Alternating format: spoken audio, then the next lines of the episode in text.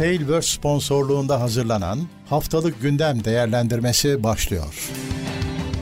Haftalık gündem değerlendirmesi teknoloji sponsoru itopya.com Tekno Seyir sunucu sponsoru DGN Teknoloji Teknoseyir'e hoş geldiniz. Geçen haftanın öne çıkan teknoloji haberlerini derlediğimiz, değerlendirdiğimiz haftalık gündem değerlendirmesi yayınındasınız. Bu seneki 45 numaralı yayın 6-11 Kasım arasını gözden geçireceğiz. Teknoseyir'in yayınları Teknoseyir YouTube kanalından sürüyor. Podcast yayınları Spotify'da var. Aynı zamanda tabii teknoseyir.com yayınların hepsini başlattığımız nokta. Bu dile getireceğimiz haberlerin linklerini orada bulabilirsiniz. Ee, siz de yorumunuzu katabilirsiniz. Ya da bizi bütün yayınlarımızdan, her kanaldan izleyebilir, takip edebilir, paylaşabilir, yorum yapabilirsiniz. Katıl sistemi düzeldi. Omuz vermek isteyenler katıl sisteminden bize bir e, destekte bulunabilirler. Herkese teşekkürler. Evet. Bu kayıt 10 Kasım'a denk geldi. Orada da teşekkür etmek, edebilmek mümkün değil. O hakkı ödeyebilmek mümkün değil. Mustafa Kemal Atatürk'e huzur içinde yatsın diyoruz. Gönülden teşekkür ediyoruz. Ne kadar bu teşekkür hani e, hiç kalsa da yapılanlar karşısında hem kendisi hem silah arkadaşları huzur içinde yatsın. Evet, teknoloji gündemine dönelim. ADATA USB 4 harici SSD duyurmuş. Herhalde ilk USB, ilk USB 4 SSD harici SSD diye değerlendiriliyor. Yani ilk USB 4 ürün de diyebiliriz aslında. Şimdi USB 4'te aslında şöyle belirsizlik var. USB 4 aynı zamanda Thunderbolt 3 oluyor. Dolayısıyla hani Thunderbolt 3 mü acaba bu? E, disk USB 4 mü? USB'dir çünkü daha düşük USB sürümlerinde de çalıştığı, tabi daha düşük hızda çalıştığı belirtilmiş. Thunderbolt olsa çalışmazdı. USB 4 SSD 3800 MB civarı okuma yazma hızı harici bir cihaz için. E iyi. Harici cihazda böyle bir şey görmemiştik bu zamana kadar. İlginç bir yönü aktif soğutması var, fanı var harici SSD'nin. Bu da biraz kötü. Yani böyle bir şey onu da görmemiştik daha önce. Evet. USB 4 harici SSD bunu gerektiriyorsa yani Thunderbolt 3 olan e, hızında olan bunu gerektiriyorsa işte PCI Express 5 SSD'ler herhalde bayağı bir çift fan sıvı soğut, sıvıyla soğutma falan isteyecek. SSD'lerden bir tane de kötü haber var. Bayağı kaygı verici bir haber. SSD fiyatlarında artış bekleniyor. Özellikle 2024'ün ilk aylarında. Samsung en büyük üreticilerden biri. Yonga SSD hem SSD üretiyor hem SSD yongalarını üretiyor. E bir süredir Samsung'un karlılığının azaldığını, stok sorunları, stok sorunu, stok fazlası sorunu olduğunu da biliyorsunuz, haberlerden takip ediyorsunuz. Samsung yonga fiyatlarını hafif hafif arttırmaya karar vermiş. 2024'ün ilk çeyreğinde biraz da hani hafiften daha fazla arttıracakmış. E bu hani hem Samsung'un kendi SSD'lerinin fiyatı artıyor hem de herkesin Samsung en çok yonga üretenlerden birisi. Herkesin fiyatının artması anlamına geliyor. Ha bu hani yatırım tavsiyesi değildir. Bu da bunlar günlük fiyatı değişen şeyler. SSD alıp depolayın anlamına gelmiyor. Üstelik tabii ki şimdi PCI Express 5 SSD'ler bir türlü hayatımıza girmedi. E girecek. Çünkü anakartlar hazır. E, dolayısıyla hani şimdiden al SSD koliyle SSD al üzerine yat anlamına gelmiyor. Ama yani alın önümüzdeki ay, aylarda alacaksanız belki şimdiden alma zamanı ya da fiyatı takip etme zamanı. Fiyatların artacağı söylenmiş. Yıl sonunda çıkaracak, ürün çıkaracak, sektörü etkileyecek firmalardan birisi de Intel. Intel'in şimdi o 14. nesli daha yeni videosunu biz de yayınladık. Yeni çıktı. Yeni tanıdık. Ama bir sonraki nesil geliyor. Aralık ayında bir sonraki nesil geliyor. 14 Aralık tarih de verildi. Dizüstü için geliyor. Hatta o bir sonraki neslin masaüstü belki de olmayacak. Şu anda bütün sektör e, belirsizlik içinde. Ama bir durum var. Biraz gecikecekmiş. Dolayısıyla o hani e, laptoplar dünyada çok önemli olan yılbaşı alışverişi, hediye alışverişi dönemine yetişmeyecekmiş. O yüzden de üreticiler çok kızmışlar Intel'e yetişmiyor diye. Çünkü hani biz de orada ekmek yiyeceğiz diyorlar. Üreticiler AMD'ye siparişlere yüklenmişler. Daha eski nesil Intel'lere hani 15'ten daha gün, bugünün Intel'lerine siparişi yüklenmişler ki yılbaşına bilgisayar yetiştirelim diye. Sektörde böyle bir hareketlilik varmış. Ama 14 Aralık lansmanı ya da duyurusu Intel'in o plan değişmedi, o devam ediyor. Intel'de bir e, ilginç haber. Intel'in Itanium diye, Itanium diye ya da nasıl söyleniyor. Bir e, farklı bir işlemci mimarisi var aslında. Bu bizim kullandığımız x86 denen mimariyle uyumlu olmayan bir 64 bit yıllardır mimarisi var. Büyük sunucularda kullanılan, çok az firmanın üretip e, bununla sunucu, sunucu ürettiği e, Linux çekirdeğinden çıkarılıyormuş. Şimdi bu haberi hazırlarken bana bu cümleler çok tanıdık geldi. Bunu biz daha önce konuşmuştuk diye. Evet baktım evet daha önce hani ya çıkarılsa mı çıkarılmaması mı ne zaman çıkarsak falan tartışmaya başlamış Linux, Linux camiası. O yüzden biz de haber yapmışız. Şimdi bu tamam çıkarılmış. Linus Torvalds 6000 bilmem kaç satırı silmiş kaynak koddan Itanium desteği veren çıkarılmış. Yani bu zaten 2000 küsur yılında bunun kullanan bilgisayarların sunucuların üretimi bitmişti. Tamamıyla tarihe gömüldüğü gibi. Tabii kurulu şu anda hani hangi bankaların hangi büyük sistemlerin çalıştığını bilemeyiz. Onlar durmayacak ama yeni bir şey gelmeyecek. AMD'de değişik yine bir haber var. AMD'nin yeni yongalarında hibrit mimariye geçtiği fark edilmiş. Pek AMD bunu yüksek sesle bağırmasa da.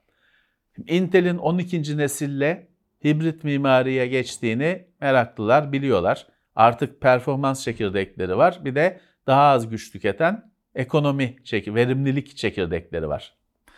Ekonomi çekirdeği diye geçiyor. AMD'nin de iki yeni Yonga'da, iki yeni mobil Ryzen'de. Biri 6 çekirdekli Ryzen 5 7545. Biri 4 çekirdekli Ryzen 3 7440. Bu Yonga'larda hibrit bir sisteme, bir e, C çekirdeklerine yarı yarıya geçtiği görülmüş ya da işte 4-2 şeklinde geçtiği görülmüş. Ama AMD'nin bunu hani daha bağırmadığı da e, dikkatlerden kaçmamış. Evet bu yıllardır telefonlarda Little Big ya da Big Little diye hayatımızda olan farklı çekirdeklerden oluşan işlemci mimarisi 12. nesil Intel'le bilgisayar dünyasına, bizim PC dünyasına geldi. Tamam AMD'nin de ayak uyduracağı kesindi zaten. Bundan sonra işlemciler böyle olacak.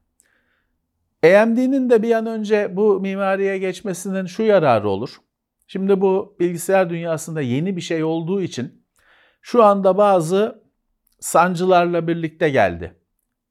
Uygulamalar, işletim sistemi hangi çekirdeğe hangi işi atayacağını tam bilemeyebiliyor ya da yanlış yapabiliyor. Çünkü eskiden her çekirdek aynıydı. Böyle bir farklılık yoktu. Şimdi bu zamanla olgunlaşacak. Şu anda yeni bir şey diye zorluklar çekiliyor. İşte AMD'nin de bu alana girmesi iyi olur, hızlanır. Yani bu işin düzelmesi için olan çabalar hızlanır. Bundan sonraki aşamayı ben şey görüyorum. Bu şu anda performans çekirdeği, verimlilik çekirdeği ya da ekonomi çekirdeği bunlar belirli belirli yapılar, fixed yapılar.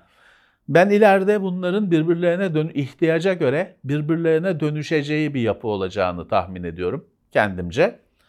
O zaman bu zamanlama, iş dağıtımı zorlukları yeniden ortaya çıkacaktır ama farklı şekilde görürüz umarım. Şimdi haftalık gündemi her zaman takip edenler için Nvidia'nın H100 e, yapay zeka yongası ve bunun başına gelenler tanıdık bir konu.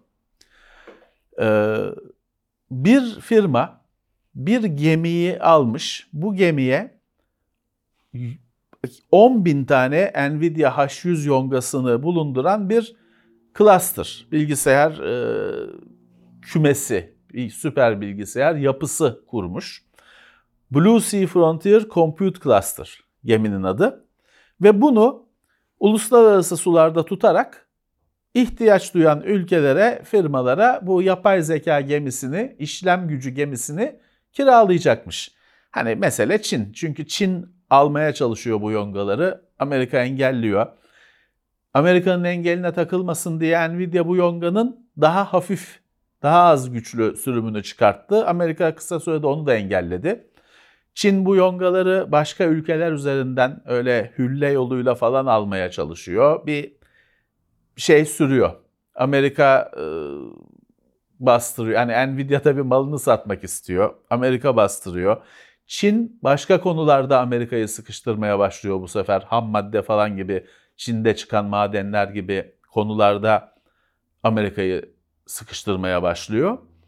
Evet bu adamlar da böyle bir şey bulmuşlar, açık bulmuşlar. Bir gemiyi yapay zeka gemisi, işlem gücü gemisi yapıp uluslararası sularda kiralayacaklarmış. Bakalım geçmişte hani The Boat That Rocked mıydı? Filmler vardı. Mesela İngiltere'de de özel radyo yasak. Böyle denizden radyo yayını yapıyorlar. Karasuları dışından. Radyo yayını yapıyorlar. Yasağı aşıyorlar falan. Öyle Sealand falan gibi girişimler her zaman oldu.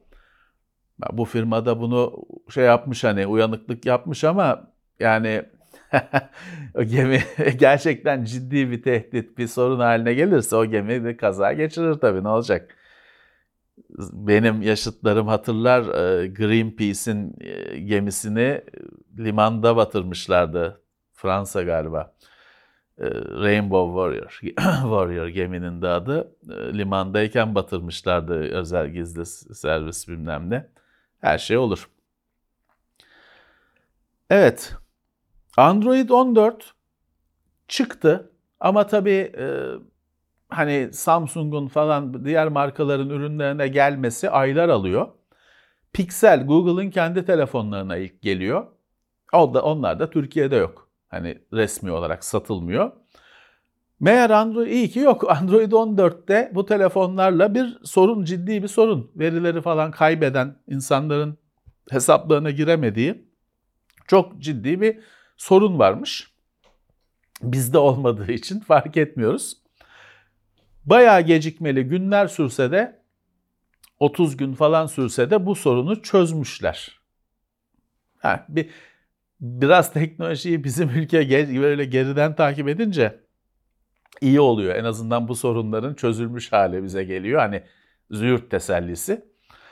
Ee, biz herhalde yaşamayacağız ama ilk Android 14 yükleyen o Pixel 8 falan sahipleri bazıları bir telefonda birden çok kullanıcı hesabı açanlar e, bu sorunu yaşamışlar. Gecikmiş sorunun çözümün gelmesi. Android 14 almayacağı için sorun yaşamayacak birileri daha var. Hep bugün her şeyi olumlu tarafından görüyoruz. Samsung Note 20 ve S20 serilerine Android 14 gelmiyor. Yani bu aslında normalde bu haber olmazdı da Samsung önce geliyor demiş. Tam geliyor da dememiş. Aslında orada cümle birazcık e, bozuk. Ama hani o cümleden de işte Samsung e, Note 20 ve S20'ye Android 14 gelecek gibi anlaşılıyor. Ee, tabii her yerde bu haber oldu. S20 serisine de geliyor diye hemen Samsung değiştirmiş ifadeyi. Sorarlar sorunca da ya yanlışlık oldu. Sehven. Türk insanı için ya, tanıdık bir kavramdır, kelimedir. Yanlışlık oldu, öyle değildi, gelmeyecek demiş. Evet, o yüzden Android 14 Note 20'ye gelmiyor. Kötü. Şimdi Android ile uğraşıyor Samsung falan ama mesela Vivo kendi işletim sistemini duyurdu. BlueOS. Bu şey değil. Hani her firmanın şimdi bir şey OS var, her firmada var ama o Android'in üzerine bir arayüz biliyorsunuz. Bu öyle değil. Bu BlueOS görünüşe göre işletim sistemi. Çünkü Android uygulamalarını çalıştırmıyor. Android değil bu. Evet, böyle bir işletim sistemi tasarlamış Vivo, duyurmuş. Ama herhalde ana akım hani bizim de teknoseyirde incelediğimiz şu anda çarşıda satılan ürünlerine yüklenmeyecek bu. Herhalde benim tahminim bunu Vivo'da bir Çin firması Huawei'nin yaşadıklarını biliyoruz. Olası bir Amerika tehdidine karşı ceplerinde bir koz olarak ya da joker olarak kullanacakları bir hamle herhalde. BlueOS'u duyurmuşlar. İngil bir iki ilginç yapay zeka robot haberi var. İngiltere'den önemli bir karar geldi. İngiltere diyor ki sürücüsüz araçlar ölümlü kaza yaparsa üretici firma sorumlu olacak. Hani ya e, diyebilirsiniz adam kullanmıyor ki niye sorumlu olsun hani içinde oturan sahibi diyelim sürücüsü demeyelim orada. E, adam kullanmıyor ki zaten hani sorumlu tutmak garip olurdu. Evet sürücüsüz araçlar birini öldürürse üretici firma sorumlu olacakmış. İngiltere böyle noktayı koymuş bu bilinmeze. Bu bir hakikaten bir bulmacaydı. Şimdi İngiltere'de diyorlar önü açıldı bu konunun. Sürücüsüz araç konusunun.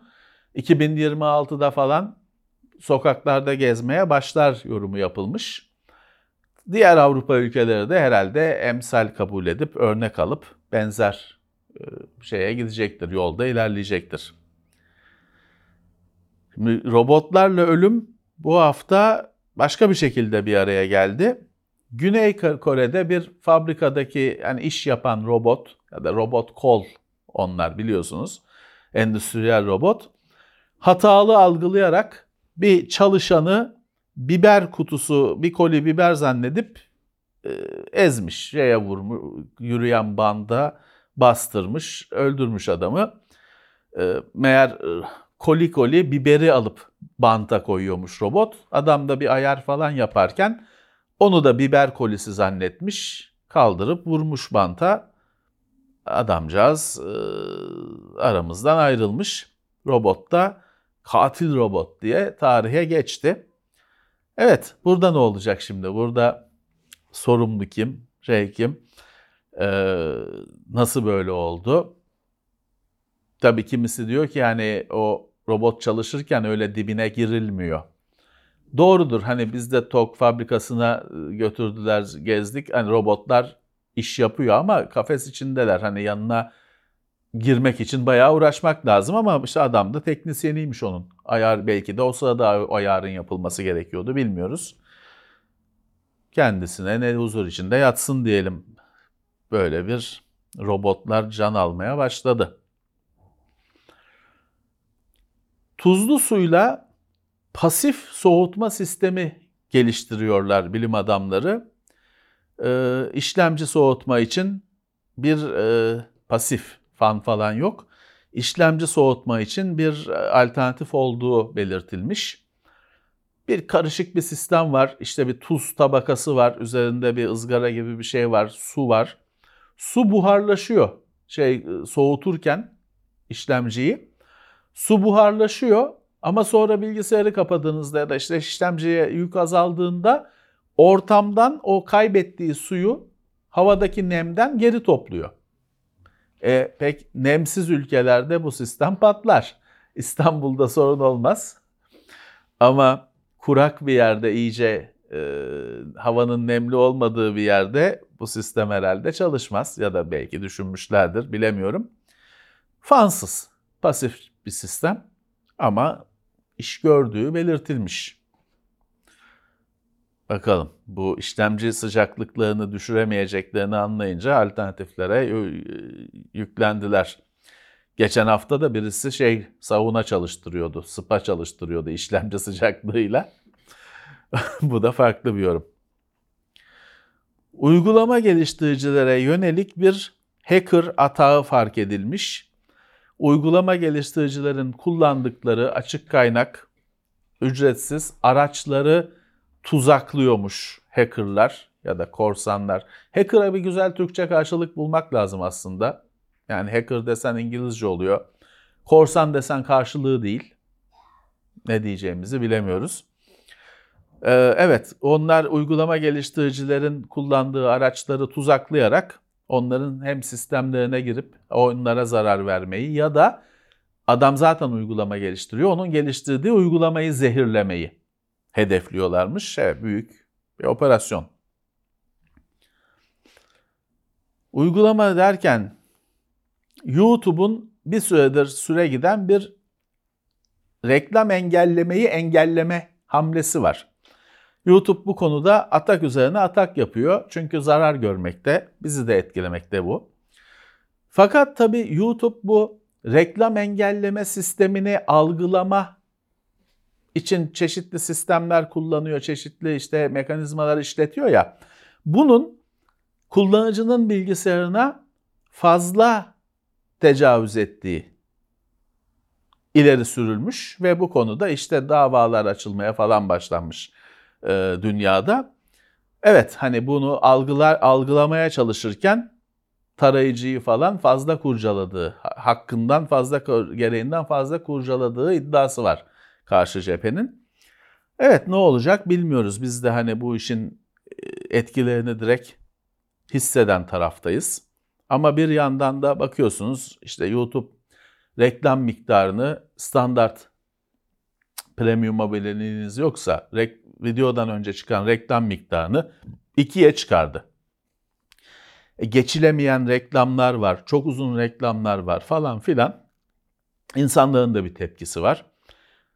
Evet bir e, bizim hani içerik üreticisi olarak bizim taş mı yiyeceğiz kaygımız var. Evet herhalde bu artık gündeme gelsin bir yerde çözülecek bu. Herkes kendi argümanlarını dile getirsin, hamlelerini yapsın da 2024'te bu iş çözülsün diye düşünüyorum. Çünkü hani e, reklam tamam premium abone olmuyorsunuz, reklamları e, engelliyorsunuz falan. Kendinizi bunu hak görüyorsunuz kendinizde de içerik reklam oldu. Buna ne yapacaksınız? Artık bütün yabancı videoları izleyin. Adam kendisi videonun içinde anlatıyor işte bu bugünkü sponsorumuz şudur budur. Biz de yapacağız. Bunu ayırmanın mümkünü yok. Bu videonun içinde. İşte o yüzden hani herkesin tatmin olacağı bir ak- aklın galip geldiği bir çözüm iyi olur. Microsoft bu hafta çok ilginç bir şey denedi. OneDrive'ı kullanmayacaksanız, OneDrive'ı quit yapıyorsanız, kapatıyorsanız OneDrive şeye başlamış. Niye kapatıyorsun diye soru sormaya başlamış. Seçeneklerden işte sıkıldım bir daha kullanmayacağım. Biraz da işte makineyi start ediyorum. Bir şey hesap soruyor cevap veriyorsunuz. Niye OneDrive'ı kapatıyorsun? Tabii bu süper salak bir şey. Hani bir sürü kişi inanamadı bu ne ya falan diye. Microsoft bunu bir günde geri adım attı, kaldırmış o soruyu. Hakikaten saçma bir şeydi. Ben uninstall ediyorum, kullanmıyorum. Hiç orada gözükmesin diye bilgisayarın 3 KB bile olsa kaynağını kullanmasın diye zaten Windows kurar kurmaz uninstall ediyorum. Kullananlar da böyle bir şeyle karşılaşmışlar. Neyse ki Microsoft hemen bir günde ya da iki günde vazgeçti bundan. Evet bu hafta Bizim sektörde e, İstanbul'da güzel bir etkinlik oldu. Asus Türkiye bir ROG, Republic of Gamers etkinliği yaptı İstanbul'da. Güzel bir etkinlikti çünkü Asus bütün sektörü toplamayı başarmış. Yani hem basın hem sektör tarafı, firma tarafı. E, bütün e, sektörü paydaşlar diyorlar. Bütün paydaşları toplamayı başarmış. Güzel o yüzden güzel bir etkinlik oldu. Gittiğinde herkesle konuştun, herkesle tanıştın. İyi bir şey oldu. Sizlerden de bazı arkadaşlar vardı. Bizi şimdi dinleyen bir sürü kişi vardı. Buradan tekrar selam vermiş olalım. Güzel bir etkinlik. Hani her firma etkinlik düzenliyor da bütün sektörü bir araya getirmek e, zor bir şey. Etkinlikte göze çarpan ürünlerden birisi geçmişte TeknoSeyir'de de konu ettiğimiz 32'ye 9 49 inç monitörün OLED olanı çıkmış. O bayağı etkileyici. Zaten o 49 inç monitör kendine baktırıyor. Ama OLED olanıyla iyice yükselmiş çıta. Bir de yine monitör tarafında e, TeknoSeyir'de daha yeni 270 Hz monitörden bahsettik, inceledik, değerlendirdik. 540 çıktı. İki katı. Hani artık e, şimdi 270 Hz'de tamam hani çok hızlı oynayan, oyunları oynayan arkadaşlar ya bu tamam hani ben bundan bir yarar görürüm diyorlardı. Ama 540'ta da o yorumu yapacaklar mı bilmiyorum. Hakikaten çok yüksek bir değer. Daha önce 360 görmüştük bazı laptoplarda. Evet 540'a kadar çıkmış. Ee, aslında yeni bir ürün değil ama e, hala geçerli. 4090 ekran kartının suyla soğutmalı versiyonu. Çok cazip çünkü hani tamam kendi radyatörü var kasada ona da yer bulmanız gerekiyor falan. Ama bir yandan da işte hani e, soğutmasını şeyini düşünmüyorsunuz.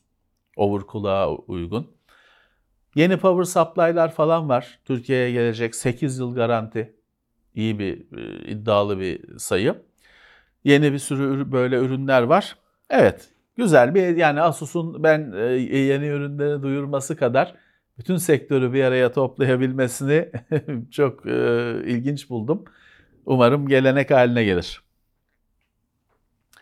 Evet, teknoloji haberleri bu hafta böyle biraz durgundu. Oyunlarda bir, şey, bir iki şey var, oyunları konuşalım. Haftanın sürprizi Steam Deck'in yenilenmişi çıktı. OLED ekranda. Çözünürlük falan aynı ama ekran biraz büyümüş yanlış görmediysem. Biraz pilde falan iyileştirmeler yapılmış. Ama hani Steam Deck biz daha yeni tanıştık. Türkiye'de zaten resmi satılmıyor da getirip satan yer çok. Evet OLED'le ekranı daha da iyi olmuş bir Steam Deck. Gayet güzel.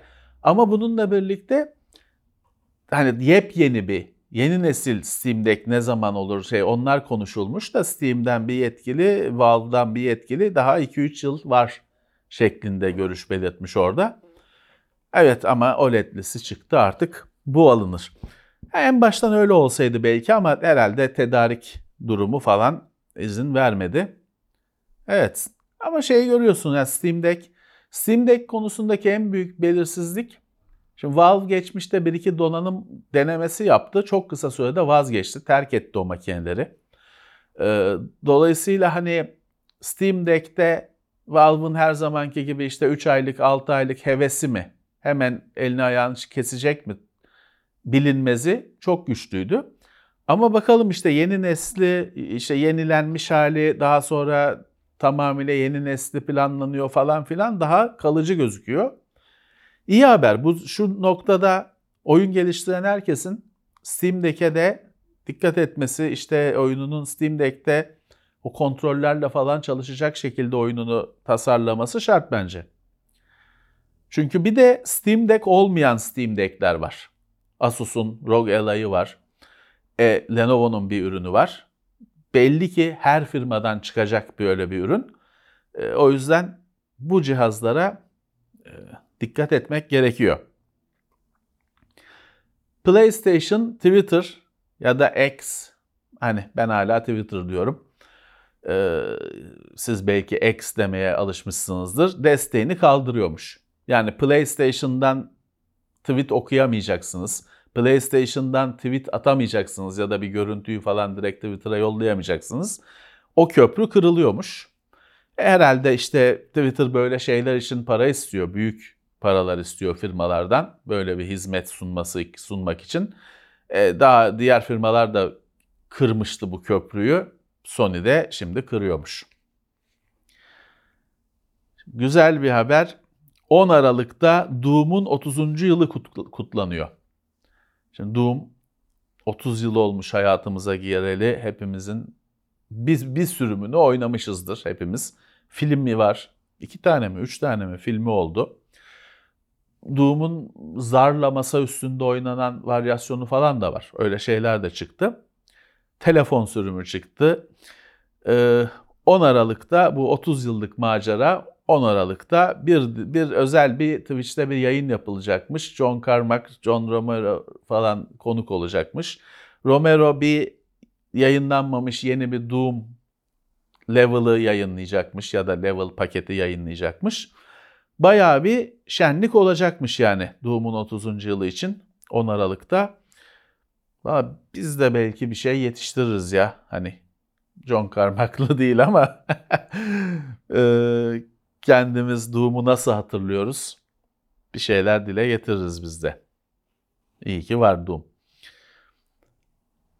Doom kadar önemli bir oyun belki yani bazıları için. GTA 6 şimdi çıkacak mı çık olacak mı falan duyurusu Aralık ayında gerçekleşecekmiş. Bu artık resmi olarak dile getirildi. Yani bir GTA 6 GTA 6 Grand Theft Auto 6 var ve Aralık ayında duyurulacak. Ama Aralık ayında hani bir sene sonra diye mi duyurulur? Yoksa yılbaşına çıkıyor diye mi duyurulur? Kimsenin bir fikri yok. Ama GTA 6 var. Benim GTA ile aram hiç iyi değildir doğrusu ama GTA 5'i 5'i hatırlıyorum. Teknoloji olarak çok üst bir noktaydı. Grafik teknolojisi olarak eşsiz bir noktaydı. Yıllarca biz benchmarklarda da kullandık. Hatta modlanarak falan öyle getirildiği grafik teknolojisi açısından öyle noktalar var ki inanılmaz. E, dolayısıyla GTA 6 oynayın ya da oynamayın. Önemli bir iş. Şimdi oyun sektörünün hepimizin biz kullanıcı olarak da hayatımızın önemli bir parçası Epic Games Store. Çıktığından beri bin tane tartışmanın içine bulaştı biliyorsunuz bir Apple davası falan filan. Ee, hala kaç yıl oldu? Hala para kaybettiği ortaya çıkmış. Hala kazanca geçmediği, para harcandığı, para kaybettiği ortaya çıkmış. İlginç bir e, nokta. Epic'in bu Epic Game Store'la PC oyun pazarının yarısını elde etmeyi hedeflediği ortaya çıkmış bu tartışmalarla birlikte. E, büyük hedef. Yani bir oyun pazarının %50'sine ne demek %5 pay almak falan değil. %50'sini elde etmeyi hedefliyormuş. Şu anda o noktada değiller. Ve e, para kaybediyormuş. Evet bedava oyun dağıtmaya devam ediyor. İnsanlar her hafta o oyunları alıyorlar güzel güzel ekliyorlar hesaplarına ama alışverişlerini Epic'ten yapmıyorlar görünüşe göre. Çünkü Steam hala hep dillerde. Evet para kaybetmeye devam ediyormuş. Bir kaybeden de hani Warner Bros. Bazı oyunları var biliyorsunuz. Başta Batman serisi oyunlar ki güzel oyunlar hepsi. E Mortal Kombat Warner Bros'ta. Yanlış hatırlamıyorsam bizim TeknoSeyir'de çok sevdiğimiz Injustice serisi Warner Bros'ta. Onların öyle başka birkaç serileri daha var. Oyunlarını bu bizim işte alıştığımız bir fiyatı olan alıp oynadığın oyundan çok online hizmet modeline çevirmeye hazırlanıyormuş. Yani sürekli para harcayacağın. Oyunun belli bir fiyatı yok belki. Ama oyunda kalmak için küçük küçük devamlı para harcatacak sana. Ee, o model daha cazip gelmiş. Oyunlarını online hizmete çevirecekmiş Warner Bros. Yani Mortal Kombat aboneliği geliyor. Bakalım acaba olur mu? Çünkü Warner Bros'un da işte tamam Mortal Kombat gibi yıkılmaz seriler var elinde. İşte o Batman oyunları Arkham serisi iyi gitti. İyi de oyunlardı hepsi ama Hani öyle aylık, o oyunlar aylık para harcatacak oyunlar değil. Belki Mortal Kombat öyle sürekli turnuvalar falan bir şeylerle ateşlerlerse ama Batman oyunu oynuyorsun bitiyor. Başka Warner Bros'un o konudaki daha önceki girişimleri de çok parlak olmadı ama belki bir bildikleri vardır. Evet, bu hafta oldukça kısıtlıydı teknoloji gündemi. Bu kadar içerik var. Ee, bu günler böyle, böyle biraz yavaş geçecektir. Yılbaşına doğru hızlanır. Yılbaşına doğru bir alışveriş çılgınlığı başlayınca kimi firmaların ürünleri çıkar. Sonra yılın ilk aylarında her ne kadar yılın ilk haftasında Amerika'da CES fuarı var. Orada yine çeşitli ürünler bilgisayar dünyasından olmasa da elektronikte belki işte yapay zekada, kendi giden otomobilde falan ürünler mutlaka sergilenecektir. Elimizden geldiğince ta- takip ederiz. Ama daha yavaş, daha huzurlu günlere e, bir döneme girdik teknoloji dünyasında. Biz takip etmeye devam edeceğiz. Bazı haftalar kısa olacak, bazı haftalar bir buçuk iki saat olacak. Siz zaten biliyorsunuz 2011'den beri sürüyor. Sizlerle birlikteyiz. Evet, daha nice bölümlerde birlikte olmayı dileyelim. Herkese iyi haftalar. Tekno Seyir sunucu sponsoru DGN Teknoloji. Haftalık gündem değerlendirmesi teknoloji sponsoru itopya.com Tailwords sponsorluğunda hazırlanan haftalık gündem değerlendirmesini dinlediniz.